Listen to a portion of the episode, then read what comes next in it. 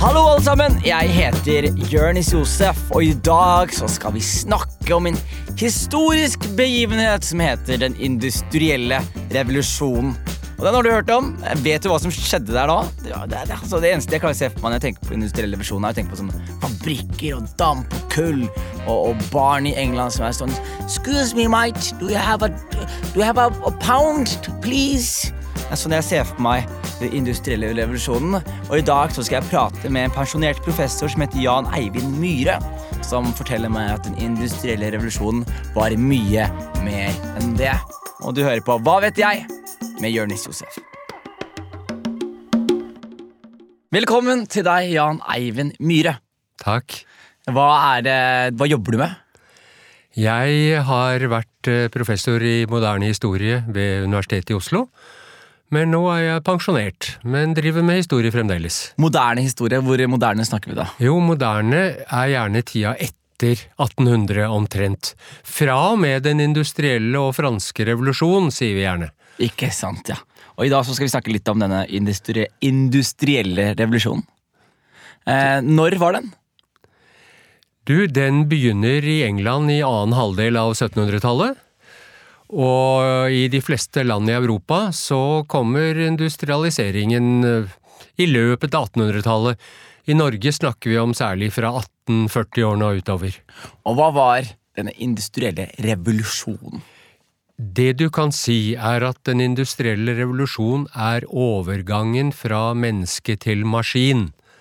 Sagt veldig enkelt, det vil si at mens tidligere produksjon hovedsakelig hadde skjedd ved menneskekraft, så ble det nå maskinkraft.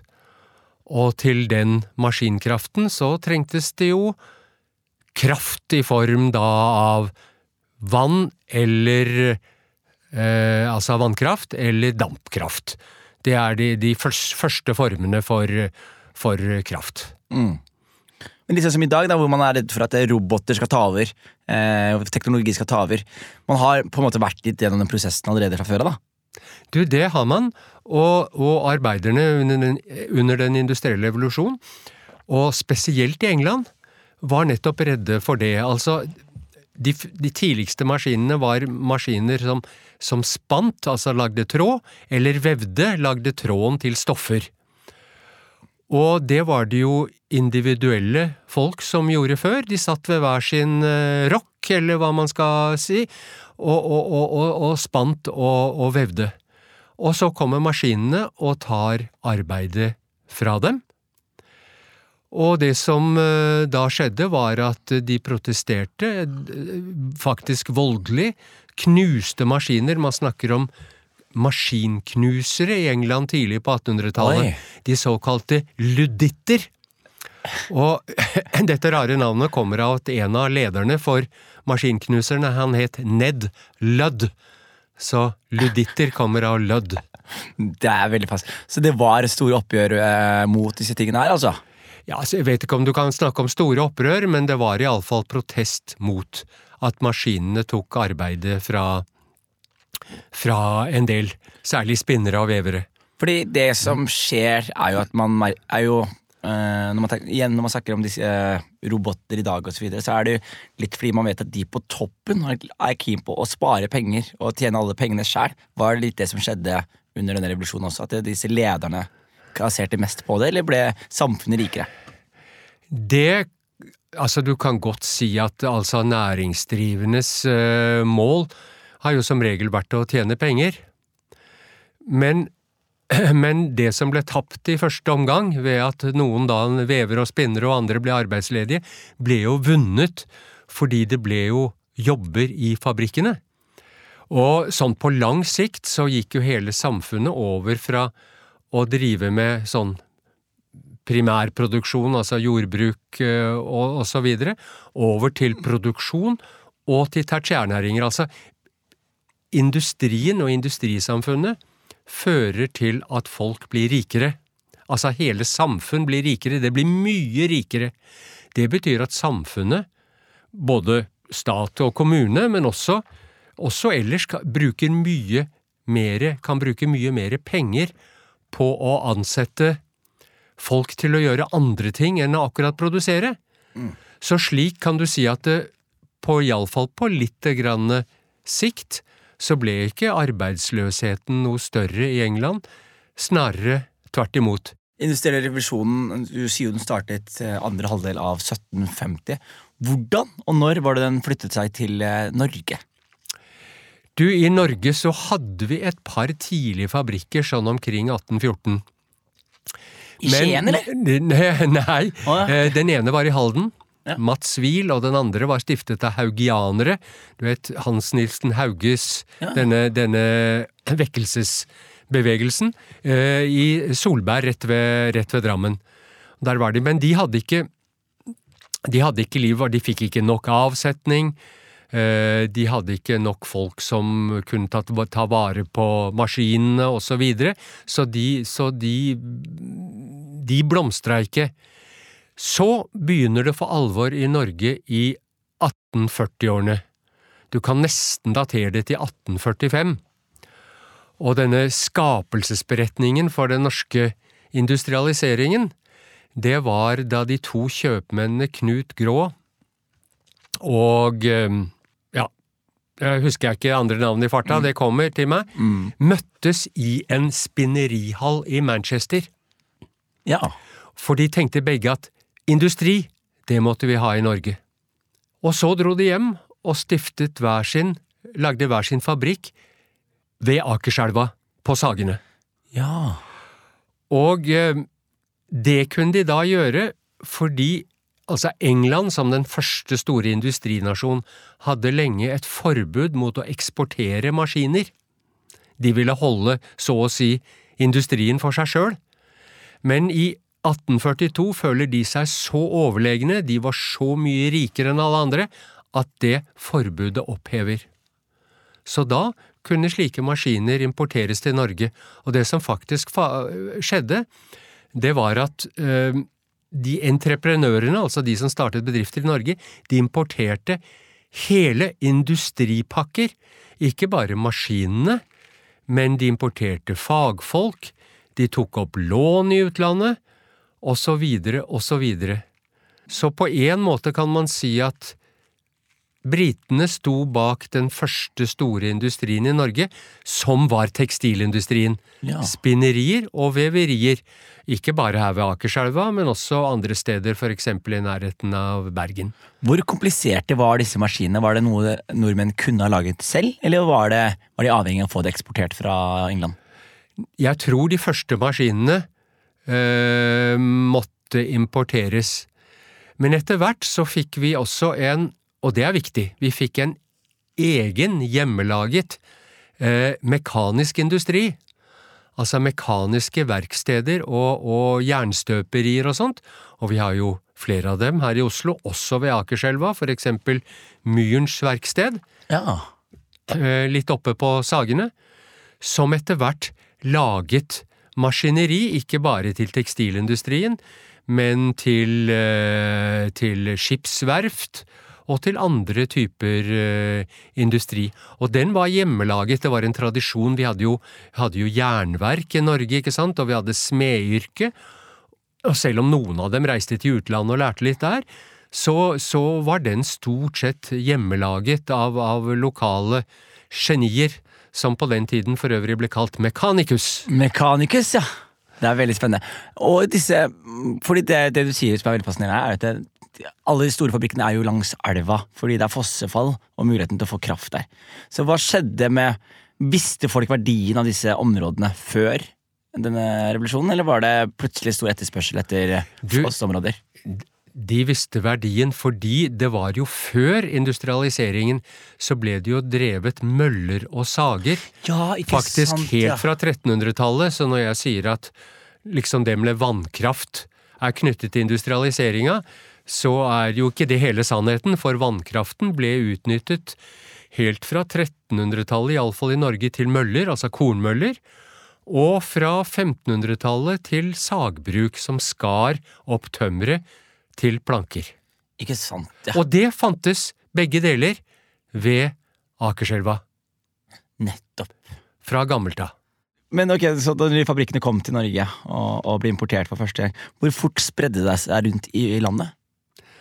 Ganske fort.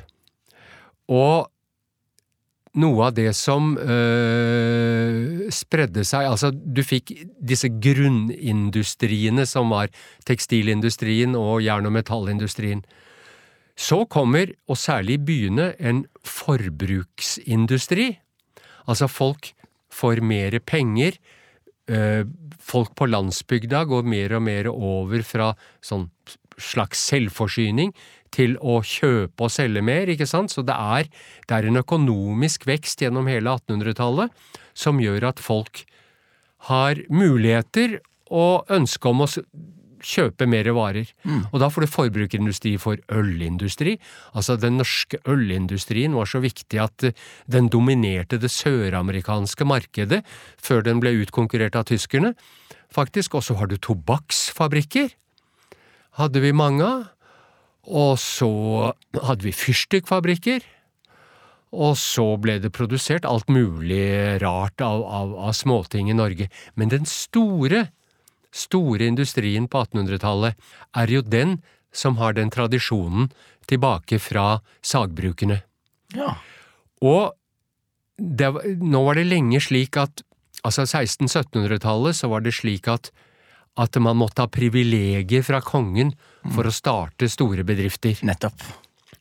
Og det løsnes opp da på 1800-tallet, og sagbruksprivilegiene ble endelig frigjort ikke før hen i 1860. Og det visste man mange år på forhånd, for det var vedtatt av Stortinget i 1854, men det skal ikke gjelde før 1. januar 1860. Og da sto folk i Fredrikstad, der hvor det ikke er fosser, mellom Fredrikstad og Sarpsborg, klare med sine dampdrevne fabrikker til å drive med å sage plank og høvle plank. Til eksport, ikke sant? Fredrikstad ligger ved havet. Og ble det da Det norske folk ble rikere, da, naturlig nok, ah, som resultat av det her. Det kan du se, eierne først og fremst ble rike, men, eh, men, men også andre. Altså, det som oppstår er jo, er jo arbeiderbevegelsen, som kan presse arbeidsgiverne til bedre vilkår, til bedre lønn, kortere arbeidstid, bedre arbeidsforhold osv. Det er jo en annen sak, men det er jo noe som gjør at, at fortjenesten fordeles bedre. Eh, og det jeg lurer på da, er igjen mine tanker når jeg tenker på industriell revisjon. Jeg, har dette bildet av kull hele tiden. Bare kull Ja. og kull Ja. og forsøpling. Ikke forsøpling, men bare veldig sånn at det er eh, tungt klima. Jeg ser det for meg. Jeg vet ikke hvorfor jeg gjør det. Ja, altså, var det sånn, eller var det I forbindelse med den industrielle revolusjon så brukes jo kull til å varme opp dampmaskiner, ikke sant? Mm. Det er det kullet brukes til. Kullet brukes jo også til husoppvarming, og, og, det ble brukt til å, å drive dampskip, ikke sant? Ja, ja, ja. Dampskip hadde jo svære kullager om bord for å drive dampkjelene, som drev skipet. Eh, Men, men fordi vi har så mye fossekraft i Norge, så var det ikke så mye dampmaskiner. Men i dag tenker vi jo elektrisiteten er jo en kraft, men den opprinnelige kraften, elektrisiteten er jo bare en omgjøring av annen kraft. Mm. I dag kommer den særlig fra fossekraft, ikke sant, oppe fra fjellene og så i lange ledninger eh, ned til byer og andre steder. Men tidligere så kunne den lages også av kull. Og det første elektrisitetsverket i Oslo, som opplyste hele byen med, med gatelykter, lå nede i Rosenkransgata, og der var det et kullkraftverk. Ikke sant. Det står fremdeles, men Det er ikke i bruk. det er ikke i bruk som kullkraftverk.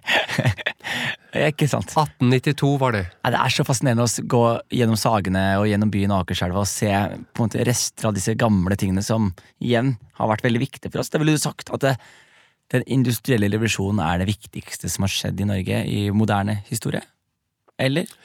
Inn i moderne historie, altså på sitt felt. Mm. Altså Det er jo selve den økonomiske utvikling på mange måter. Mm. Nå er det jo noe som heter økonomisk politikk og, og sånne ting. Det er, så det er, det er liksom Det er litt vanskelig å Ja. si det, men, men du kan si det sånn grunnleggende, så er det det viktigste siden det som ble kalt jordbruksrevolusjonen, da, men det er vi tusenvis av år Ja, ikke siden, ikke sant? ikke sant. Da vi gikk over fra å være jegere og sankere til å bli bofaste jordbrukere. Men, og den industrielle revolusjonen, den foregår fremdeles.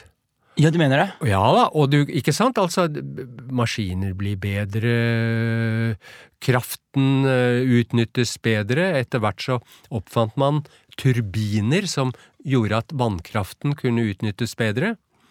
Og på en måte så kan vi jo si at digitaliseringen bare er en, et nytt stadium i den industrielle revolusjonen. Og hvor er det vi er på vei igjen? Er vi på vei inn i et samfunn hvor alt er effektivt, og alt er eller hva, ja, jeg prøver å se for meg hva målet med Det er jo bare for å skape et mer effektivt og bedre samfunn for oss, da. Rett og slett. Det kan du si, Eh, men som jeg sa sånn innledningsvis, så tror jeg ikke digitaliseringen nødvendigvis eh, tar arbeidet fra folk, iallfall ikke på lengre sikt. Den digitaliseringen gjør jo også at produktiviteten øker, så hver, hver person som produseres, produserer, kan produsere veldig mye mer. Hvilket gir oss råd til å ansette folk i jobber som må gjøres fysisk. Mm. For tross alt er det mye fremdeles som må gjøres fysisk. Den industrielle revolusjonen spredde seg fra England og kom etter hvert til Norge. Men var det, var det, var det andre land i Europa, altså, sett bortsett fra Afrika og Sør-Amerika og disse, Var det andre land som ikke fikk vært med på det her? Som eh, kanskje gjorde noen aktive grep for å ikke være en del av denne revolusjonen her? Det er vel Altså, i i Øst-Europa så var det jo adelen som hersket. Mm.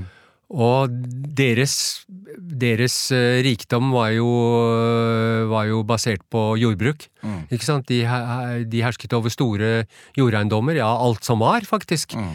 Og de var i perioder i det store østerriksk-ungarske riket og andre steder veldig imot at landene skulle industrialiseres. Men det endrer seg jo, så alle europeiske land blir jo industrialisert før eller siden. Noen mye seinere, sånn som Russland og Øst-Europa, og til dels Sør-Europa, Spania, Portugal, Sør-Italia. Mm. Men alle de andre landene industrialiseres, og særlig på 1800-tallet. Norge er jo ikke først, men sånn midt i bildet. Altså England først, som vi er inne på. Og så kommer Belgia. Og deler av Tyskland og Frankrike, særlig der de har kull, ikke sant. Mm. Det er jo ikke, de, mange av de landene har jo ikke vannkraft å snakke om. Iallfall ikke veldig mye.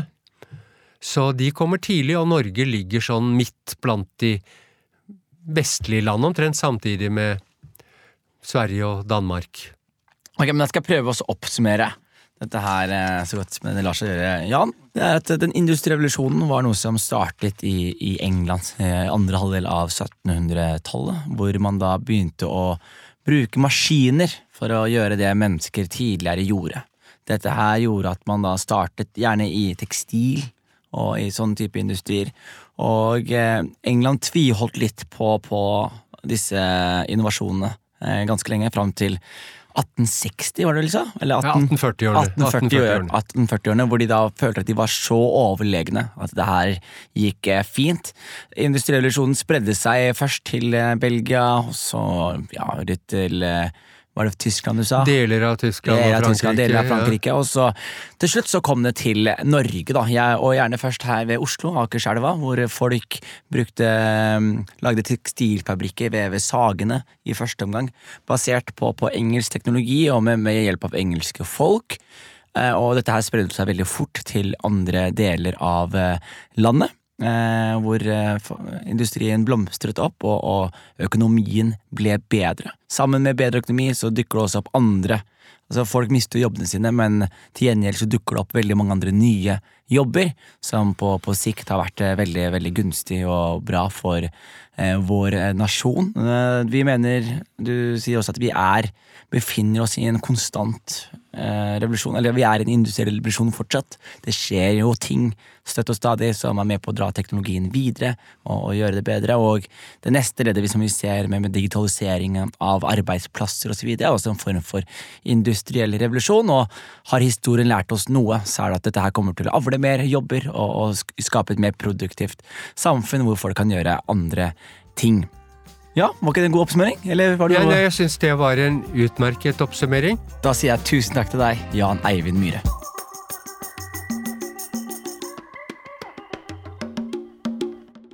Produsert av både og for NDLA.